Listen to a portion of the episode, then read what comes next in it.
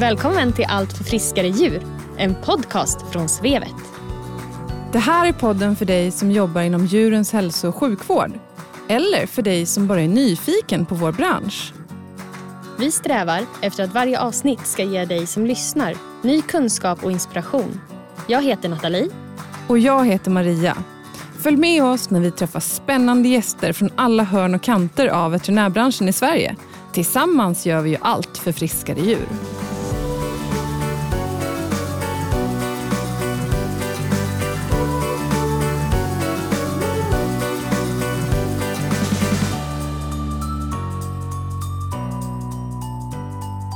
Hej Nathalie! Hej, hej Maria! Hej, hur är läget? Det är bara bra med mig. Det är sol och fint väder nu för tiden. Ja, nu för tiden ja. Nu har vi kommit ut ur mörkret. Ja. Förhoppningsvis kommer vi ur pandemimörkret också snart. Det hoppas jag verkligen. Idag har vi med oss en liten favorit i repris kan man säga. Ja, verkligen. En liten återvinning kan man också kalla det för. Vi har haft lyssnare som har velat höra henne igen och eh, dessutom att prata lite mer specifikt om infektionssjukdomar hos häst. Det har ju varit ganska aktuellt nu i och med IHV-1-viruset som har spridits i Valencia. Så då har man pratat ganska mycket om herpesviruset och sen har vi ju såklart eh, coronaviruset som har varit på tapeten under en ganska lång tid för oss. Och därför kan det vara lite intressant att höra om hur det fungerar hos hästarna med de här typerna av virussjukdomar. Just det, vi har med oss eh, Anna Bolin. Hon är diplomat i internmedicin på häst och svensk specialist i hästens sjukdomar. Och hon arbetar på Evidensia specialisthästsjukhuset i Helsingborg där hon får träffa många hästar och eh, många intressanta fall som hon gärna delar med sig av. Välkommen till podden Anna! Tack så mycket! Kul att ha dig tillbaka igen får vi säga. Ja, jätteroligt att vara med eh, en gång till och kanske prata lite mer eh, klinik den här gången. Mm. Ja, det ska bli jättekul och det är bra att vi inte skrämde iväg dig förra gången, att du vågar komma tillbaka. Absolut. Mm. Vi ska prata lite grann om infektionssjukdomar på häst. Um, någonting som framförallt hos hästägare kanske brukar orsaka ganska mycket huvudbry. Um, och um, vi ska prata med dig om det eftersom du kanske vet mm, lite mer än de flesta. Nu sa du innan här att du har inte forskat på det eller så, men eh, du är ju ändå diplomat, så då får man ändå säga att du är, är rätt bra påläst. Ja, vi, vi ser ju i alla fall eh, många sjuka hästar och vi har en ganska bra isoleringsavdelning så vi ser en hel del av de här eh, sjukdomarna som vi tänkte prata om. Men som sagt, det är absolut eh, många här i Sverige som kan mer om ja, som har forskat mer på de här sjukdomarna. Så jag hoppas jag kan ge ett lite mer kliniskt perspektiv på dem. Det tror jag absolut. Um, om vi börjar med eh, det som var på alla släppar för några månader sedan. EHV, ekvint eh, herpesvirus eh, och det här utbrottet. Vad hände egentligen i Valencia? Kan du inte berätta dels för de som inte vet vad jag pratar om alls och sen din take på det liksom.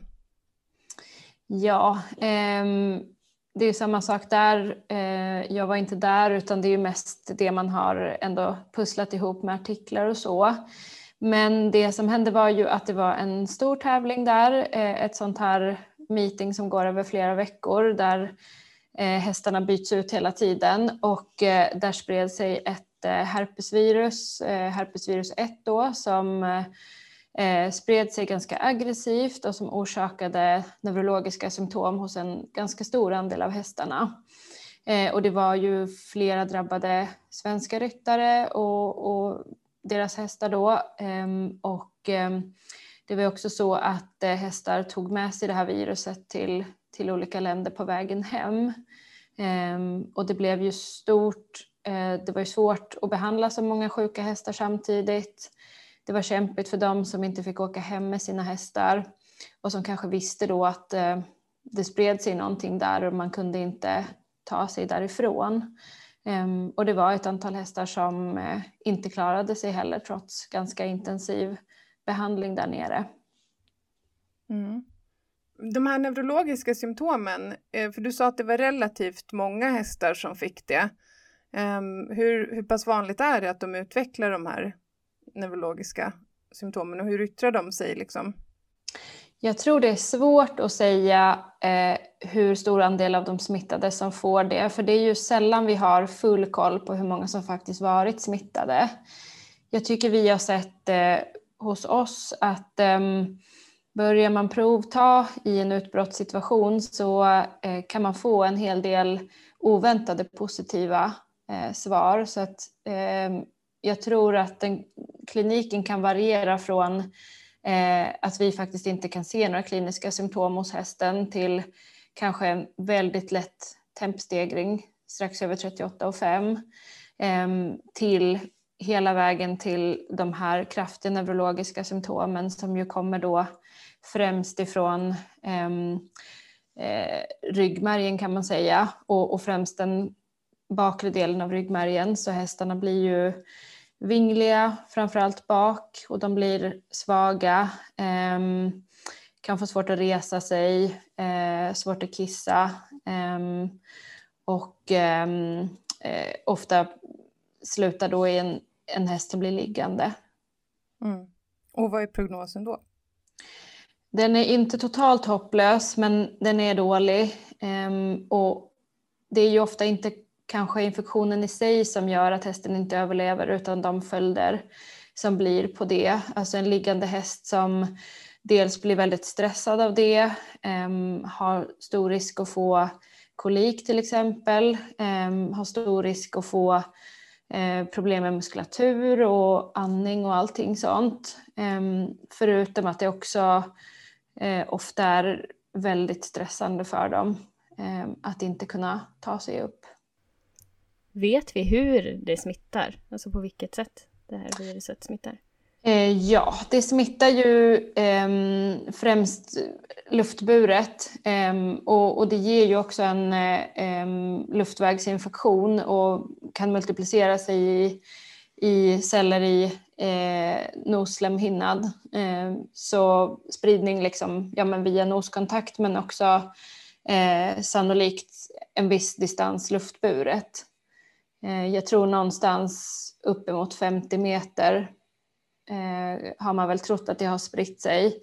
Ehm, men sannolikt är det ju absolut närmare kontakten så som ska till. Mm. Och som Maria sa så har ju det varit på alla släppar under hela våren här egentligen. Men behöver vi, har vi någon anledning till att vara oroligare än vanligt eftersom det egentligen har funnits sedan innan? Ja, herpesvirus 1 har ju funnits tidigare och utbrott av neurologisk sjukdom är ju rapporterat sedan tidigare. Eh, så här stort utbrott i Europa tror jag inte vi har sett någon gång tidigare och det ökar ju oron förstås. Ehm, det kan ju också vara så att den här pågående pandemin också gör att folk är ännu räddare för virusinfektioner. Ehm, och, och det forskas ju också en hel del på eh, ja, herpesstammar och, och deras eh, skillnader, om, om man kan se liksom skillnader i hur patogena de är och så och, och försöka se om, om det har ökat eller minskat. Men det kan ju också vara så vid det här tillfället att det är ju såklart en högre risk för sånt här när man samlar många hästar på en liten yta från många olika länder. Ehm, de här meetingen har ju också ganska mycket unga hästar Ehm, som kanske är lite känsligare också. Ehm, och så att man har haft otur ändå och, och sannolikt haft en väldigt smittsam häst mitt bland de andra. Ehm, och sen inte riktigt varit förberedd heller på tävlingsplatsen så att man har kunnat isolera och dela upp hästar snabbt. Det verkar som att det tog lång tid. Men det jag kan tycka hos oss som vi har ju liksom ett stort hästsjukhus och det är många hästar som kommer och går och det sista vi vill är ju att hästarna ska smittas av någonting när de är hos oss. Eh, och eh, vi har ändå eh, gått igenom våra rutiner lite grann så att under den här högriskperioden som är någonstans från de sena höstmånaderna till, eh, ja, till vår, eh, inklusive våren, det börjar väl lugna ner sig lite nu, att man är extra noga med att eh, man ber alla djurägare att eh, tempa sina hästar innan de kommer. Även de som kommer in för hältutredningar eller ska lämna in sin häst för ehm, elektiva operationer, ehm, kastrationer och artroskopier och sånt, att alla faktiskt ska tempa innan de kör och sen så gör vi såklart det också vid ankomst. Mm. Direkt innan hästen liksom helst får ta sig in någonstans i våra byggnader. Mm. Har ni haft något bekräftat fall med den här typen av sjukdom? Vi har faktiskt eh, bara haft positiva EHV4 eh, mm. hittills den här säsongen. Eh, men vi har absolut eh, eh, sett eh, neurologisk herpes tidigare ehm, och någon enstaka som är positiv för EHV1 utan att ha neurologiska symptom. Mm. Så att det, det förekommer ju absolut. Um, och, och, man är ju väldigt rädd, rädd för att få in det här. Det kan vara väldigt smittsamt. Mm. Är det någonting man alltid har i, i bakhuvudet liksom som en diftdiagnos när man har en häst med även lätta liksom, luftvägssymptom eller låg temp? Skulle mm. säga?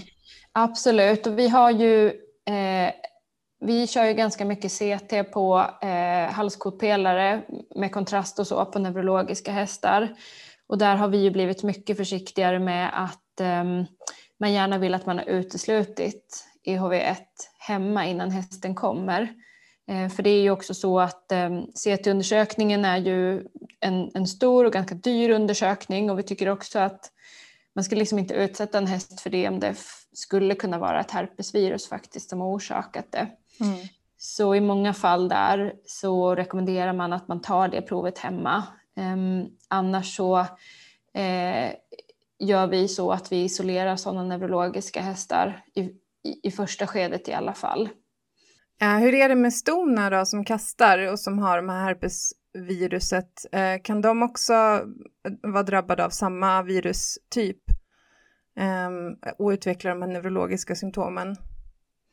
Ja, de kan absolut eh, smitta eh, också. Ehm, man har ju sett att det verkar vara en viss skillnad att eh, en typ av, av viruset tenderar att orsaka mer neurologiska symptom och en annan lite mer aborter. Men där är också överlapp däremellan.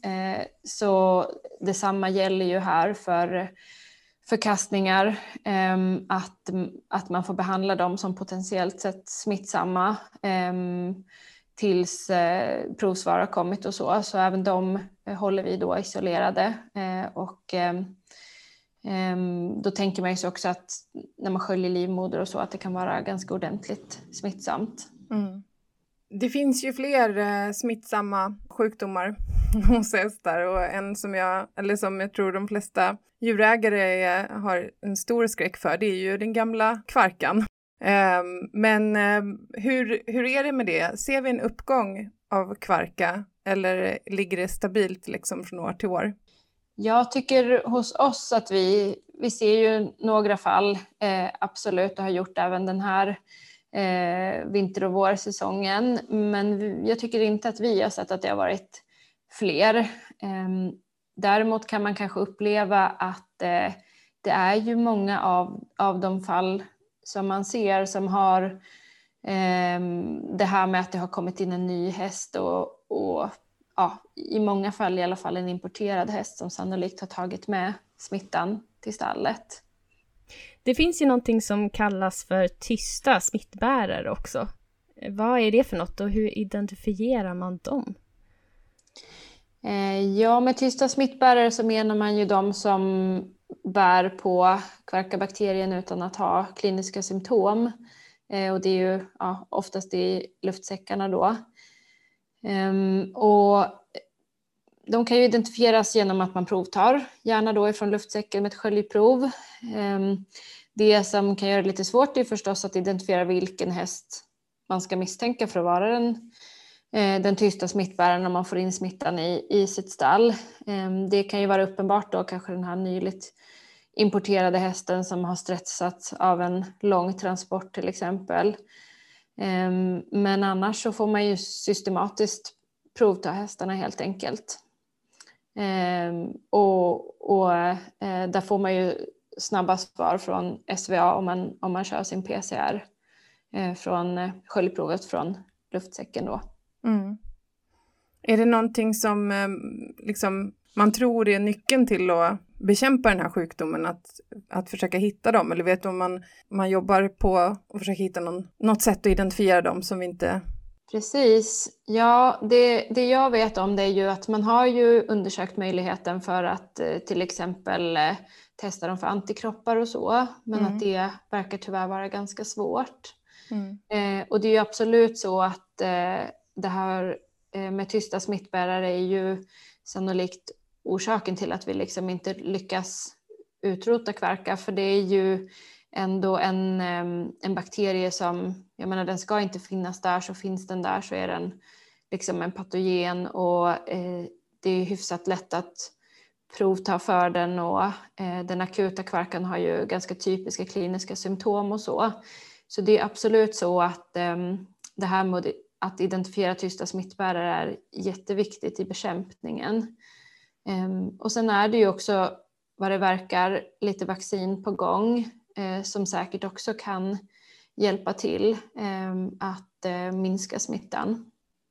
Ja, för det var väl en, det är väl också någonting som vi, har, som vi alla väntar på, eller på att säga. Men eh, hur, hur går det med kvarkavaccinet? Vet du någonting om hur långt fram i processen man är eller när vi kan se ett på marknaden?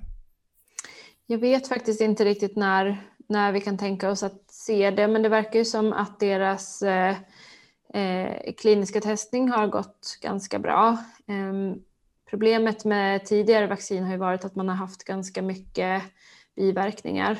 Mm. Helt enkelt att de har fått kvarkaliknande symptom.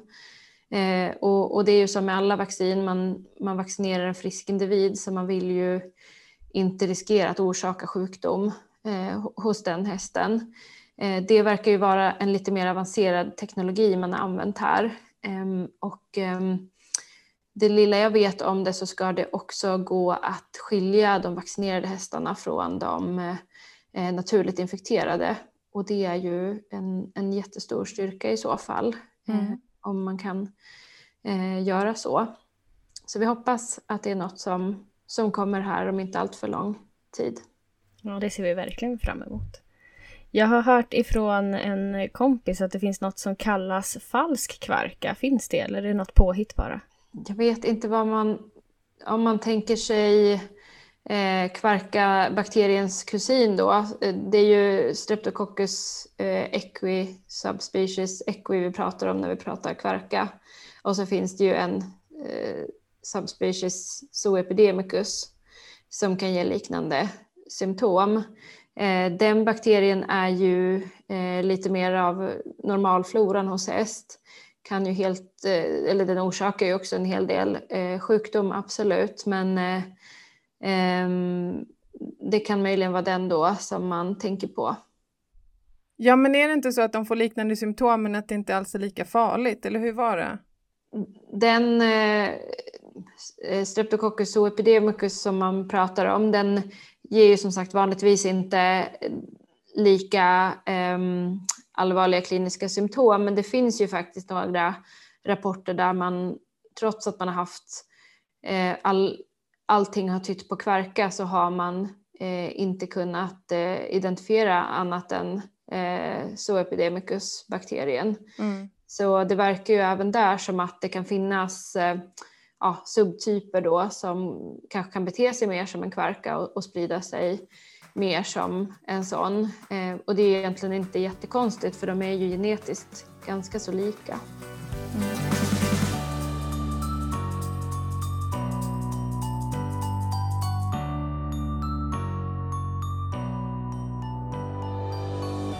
Sen har vi den eh, senaste, eller senaste är det väl absolut inte, men den mest aktuella virussorten och det är hästens coronavirus eller coronavirus överhuvudtaget.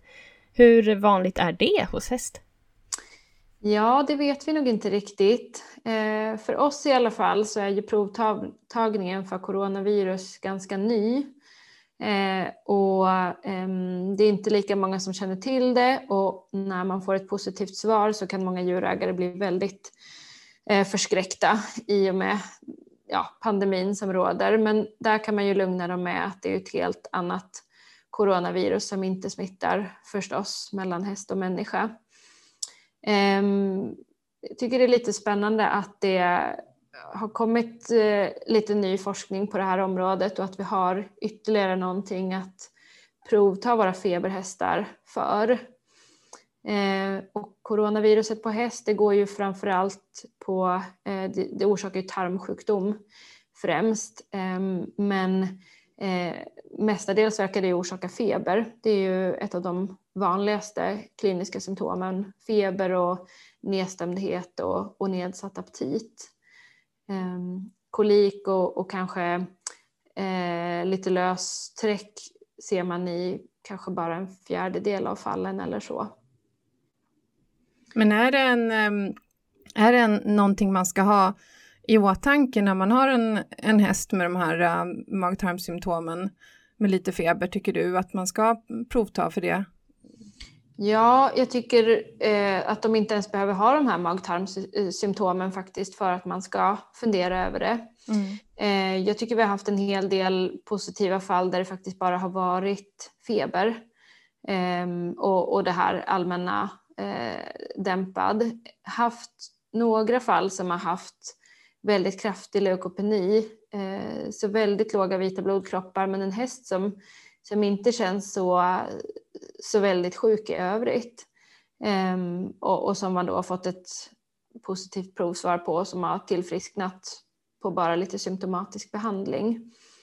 Ehm, så ehm, det är klart att den är ju också smittsam coronaviruset så kanske lite mer sannolikt då om man har haft fler hästar med symptom men jag tycker nog att den gärna ska ingå eh, när man eh, ja, testar för luftvägsvirusen. Så i många fall så, så kan det vara värt att också inkludera coronavirusprovtagning. Mm. Hur ser den här provtagningen ut? Toppsar man dem också eller hur ser det ut på häst? Ja, eh, det är ju lite spännande där att eh, man har ju liksom kunnat påvisa viruset också i, i näshålan, alltså så mm. som man tänker eh, människans coronavirus. Men främst finns den ju i, i tarmen och eh, så det är ju helt enkelt ett träckprov som man skickar. Eh, precis som ett vanligt parasitologiskt träckprov, en liten påse så. Eh, så det är ju också en enkel provtagning. Mm. Analyseras det i Sverige eller skickas det någon annanstans?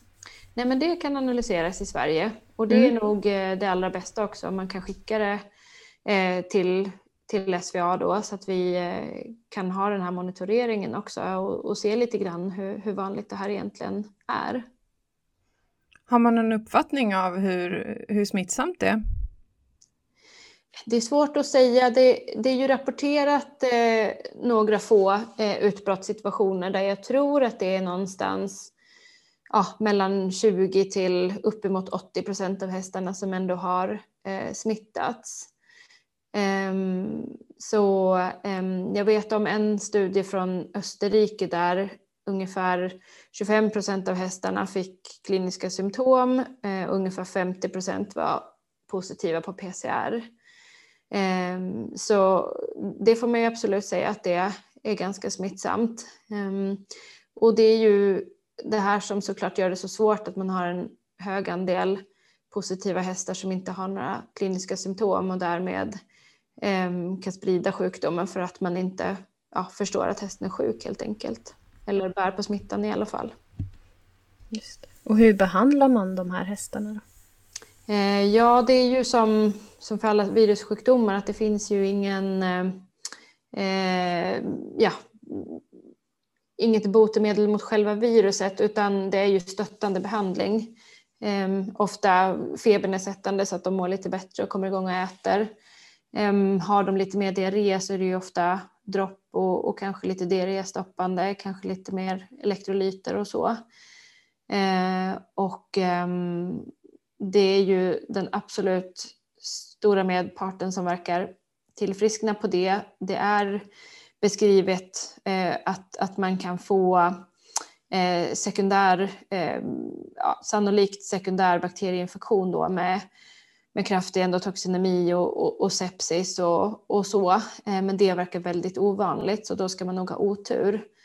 Ehm, men ehm, de här som blir riktigt påverkade ska säkert absolut ha sin behandling sin stöttande behandling så att eh, man minskar risken att de får någonting sekundärt om de blir för sjuka helt enkelt.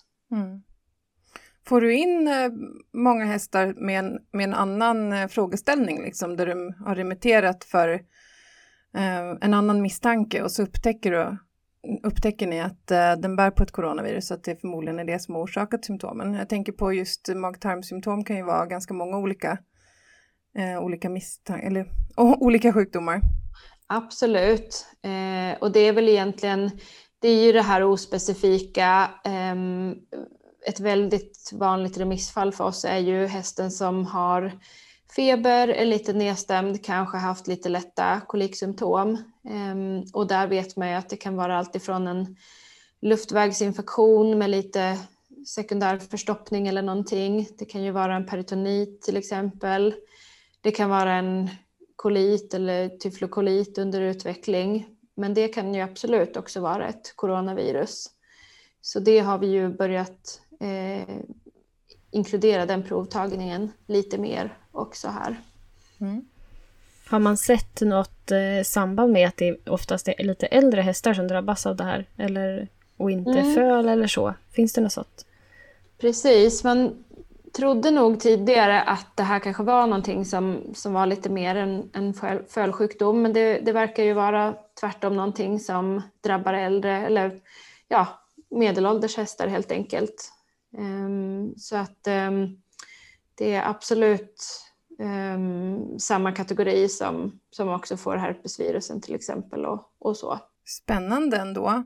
Det, det är mycket prat om corona överhuvudtaget. Och jag är lite nyfiken på det du sa liksom med djurägarna, att de blir väldigt förskräckta då. Men det är ju liksom inte mm, någon sars-cov-2 vi pratar om, utan eh, som du, precis som du säger så finns det ju många olika coronavirus även hos oss människor. Men hur, eh, hur tas den informationen emot då? Är de förstående inför det eller liksom, kan du lugna dem? Ja, men det tycker jag. Det, men man får ju börja med det. Man får berätta att den är positiv och sen får man direkt berätta att men du behöver inte oroa dig för, för människor som har varit i kontakt med hästen och det lugnar ju de flesta. Och jag upplever också att men en stor fördel med att faktiskt ta sina prover är ju att eh, många djurägare blir ju lugnade och det blir även jag när man får ett positivt provsvar. Då har man en förklaring till det här som vi har sett då en del fall av coronavirus med väldigt kraftiga blodprovsförändringar så att man blir rädd att man har ja, men något riktigt allvarligt på gång. Liksom.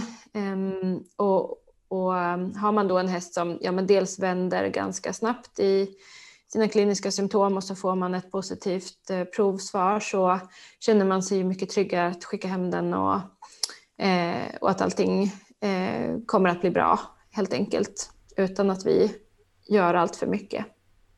Mm. Men förutom att verkligen provta och gör, ta det provet, finns det någonting annat som dina kollegor skulle kunna ta med sig när de ska arbeta med just eh, coronavirus hos häst? Finns det någonting de ska tänka på eller inte missa? Ja, men jag tror bara att man ska tänka att den här ospecifika febern eh, och, och dämpade hästen som inte riktigt äter, det kan också vara eh, ett coronavirus. Eh, så det är värt att, eh, att provta även för det i, i den situationen. Så inte hänga upp sig på att de nödvändigtvis måste ha eh, symptom från eh, mag och tarmkanalen för det, det är bara en fjärdedel ungefär som har det enligt de studier som är gjorda. Är det ett dyrt prov att ta? det kostar väl någonstans ungefär som att provta för eh, luftvägsvirusen. Mm. Um, så det är klart att ska man provta för många saker så blir det ju ja, kanske 2-3 tusen för djurägaren. Uh, så är det ju, men uh, det kostar som PCR gör generellt. Mm. De hästar som inte har symptom från mag-tarmkanalen, tar man träckprov på dem också för att diagnostisera corona? Ja, det gör man. Det är ju då beskrivet att man skulle kunna ta en nosvabb också, men det verkar ju vara i en färre andel av eh, patienterna som man har, eh, får positivt svar där. Så rekommendationen är ju att, eh, att ta ett tryckprov helt enkelt. Och när vi har fått svaret på att hästen har corona, hur länge brukar de vara sjuka sen? Ja, um, det är ju gjort eh, några mindre i alla fall eh, experimentella studier där man har tittat på det. Eh, och det verkar väl vara eh, ja, några dagar till en vecka kanske som hästen har symptom. De flesta verkar kunna urskilja viruset, viruset i någonstans uppemot eh, två veckor efter att de har blivit smittade. Ehm, men det verkar kunna vara lite lurigt med att ehm, de kan urskilja det lite intermittent. Så det betyder ju tyvärr också att vår provtagning optimalt sett kanske skulle vara flera prover. Eh, men där är också några enstaka rapporter där hästarna har varit smittsamma i, i väldigt lång tid, alltså flera månader, uppemot en tre månader. Även om de är symptomfria då? Ja, då kan de absolut vara symptomfria.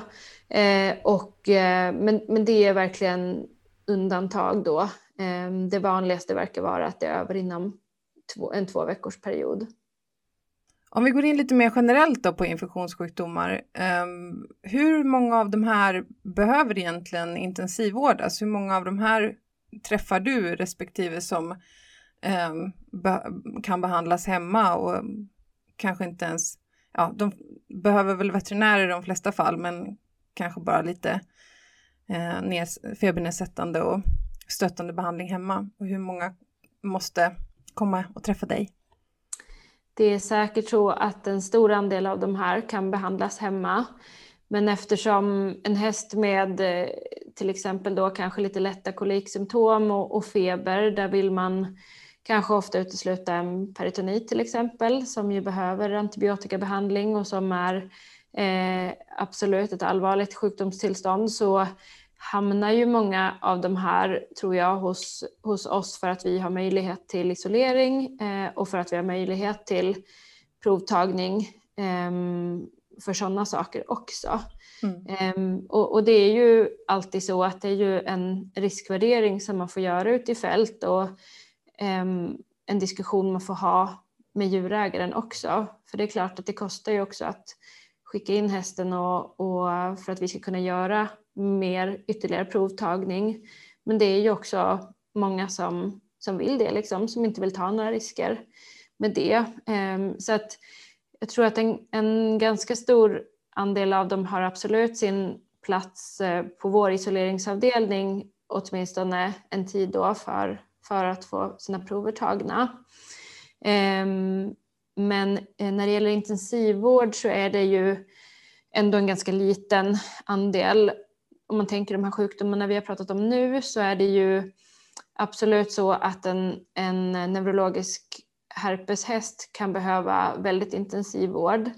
Ehm, men det är också dålig prognos och, och, väldigt svårt. Det är inte jättestor skillnad på det vi kan göra där hos oss jämfört med, med fält förutom att vi ju kan ha personal hela tiden då på ett annat sätt. När det gäller eh, kvarket till exempel så absolut de här som blir eh, vansinnigt svullna i svalget och eh, den lilla andelen som kanske till och med behöver göra en trakeotomi. Eh, de är ju på sitt sätt intensiva patienter och behöver eh, skickas in. När det gäller coronavirus så är det ju kanske ja, den här andelen som blir väldigt kraftigt påverkad av sin infektion och behöver Eh, en del droppunderstödjande behandling och, och kanske där man inte kan utesluta att det är något riktigt allvarligt bakteriellt problem på gång som man också behöver eh, kanske skicka in dem hellre eh, ja, i tiden än att vänta till, tills det är för sent. Då är det inte så svårt att avgöra egentligen om de kräver intensivvård eller inte. Men vård kan vi säga att det behöver de oftast på ett eller annat sätt. Ja, precis. Och, och jag menar, det är ju så också för, för många som jobbar i fält där man har, ja, men man har ett stort distrikt och man har alla djur man ska ja, kunna liksom eh, rodda under natten och så.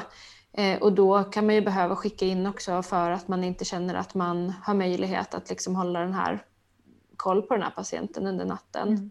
Mm. på grund av arbetsbelastningen helt enkelt. Och när vi tittar på infektionssjukdomar generellt, hur ser utvecklingen ut där? Får vi in många nya sjukdomar eller är det så att de befintliga ändrar karaktär? Eh, vad jag har kunnat se under den här tiden som, som jag har jobbat eh, så tycker jag väl inte att vi har fått in så mycket nytt. Eh, coronaviruset kan ju kännas lite nytt men det är det ju sannolikt inte utan eh, mer att vi har ett eh, test äntligen. Ehm, men det är klart att man måste hålla koll på, på det som finns i, i utlandet och det är ju mm, hästar reser mycket nu för tiden och eh, importeras och exporteras och så. så att, eh, man måste vara lite uppdaterad också på, eh, på sånt som eh, kan komma utifrån och, och, ehm, och som man kanske aldrig har sett tidigare. Tänker du på något särskilt som du inte vill ha hit? Det skulle väl kanske vara sånt som eh, ja, ekvin infektiös anemi till exempel är ju inte behandlingsbart. Och det ehm, ser vi knappt i Sverige, eller hur? Det, det är väl inte... Nej, det har vi ju som tur, tur är, mig veterligen inte sett här. Eh, för det är ju eh, avlivning som gäller där och det är ju, har ju jättestora konsekvenser. Eh, men ehm, man kan tänka sig kanske några av de här virusen som kan ge encefalit ehm, och, och neurologiska symptom. Ehm, West Nile är ju inte allt för långt borta till exempel. Eh, och, och lite läskigt också med sådana som faktiskt kan gå på, på både djur och människa. Mm. Mm, det gäller att hålla sig uppdaterad helt enkelt. Tack så jättemycket Anna för att du har velat prata med oss ikväll. Det har varit eh, jätteintressant att få ta del av eh, dina kunskaper om det här ämnet. Jag hoppas att eh, dina kollegor där ute också har fått lära sig någonting nytt eller fått något litet nytt uppslag på hur, framförallt kanske hur de ska tänka om de hittar en skum feberhäst där ute. Absolut. Det är roligt om man kan bidra med någonting. Det kan du absolut alltid göra. Ja, och det låter ju som att det finns flera sjukdomar att prata vidare om. Så det är inte omöjligt att vi faktiskt kommer komma tillbaka till de här ämnena ännu en gång så småningom. Och du har ju fått svara på den här frågan som vi ställer till alla våra lyssnare en gång förut. Och då fick du faktiskt din upp, eh, önskan uppfylld. Eh, men eh, vi ställer frågan till dig igen. Finns det något speciellt ämne eller någon speciell person som du skulle vilja höra om i Allt för friskare djur? Ja, jag har faktiskt funderat lite på det och jag vet inte riktigt vilken person det är men eh, jag lyssnade precis på en annan podd som handlade lite om eh, blodgrupper på människa eh, och ehm, vi gör ju en del blodtransfusioner på häst men jag vet att man gör mycket mer på, på smådjuren, på hund och katt. Så jag skulle jättegärna höra någon som jobbar lite mer med det här, lite hur långt man har kommit och hur man tänker och hur man lägger upp det liksom. Det hade varit jätteintressant. Det låter faktiskt inte helt omöjligt. Vi kan nog få tag på en sån person tror jag, Maria. Tror inte mm, du det? Det är absolut, det borde finnas någon expert där ute. Jättespännande ämne också, tycker vi med. Stort tack Anna för att du ville vara med oss än en gång i Allt för friskare djur. Tack för att jag fick vara med. Tack snälla. Och tack till alla er som har lyssnat idag också. Precis som vanligt så får ni kontakt med oss via vår mejladress podcast.svevet.se. Och sen hittar ni oss också på sociala medier. Och vad heter vi där Maria? Där heter vi Svevet, kort och gott. Eh, nästa avsnitt blir det sista avsnittet för säsongen. Och sen tar vi sommarlov, så missa inte eh, nästa vecka. Men tills dess så får ni ha det så bra. Hej då! Hej då!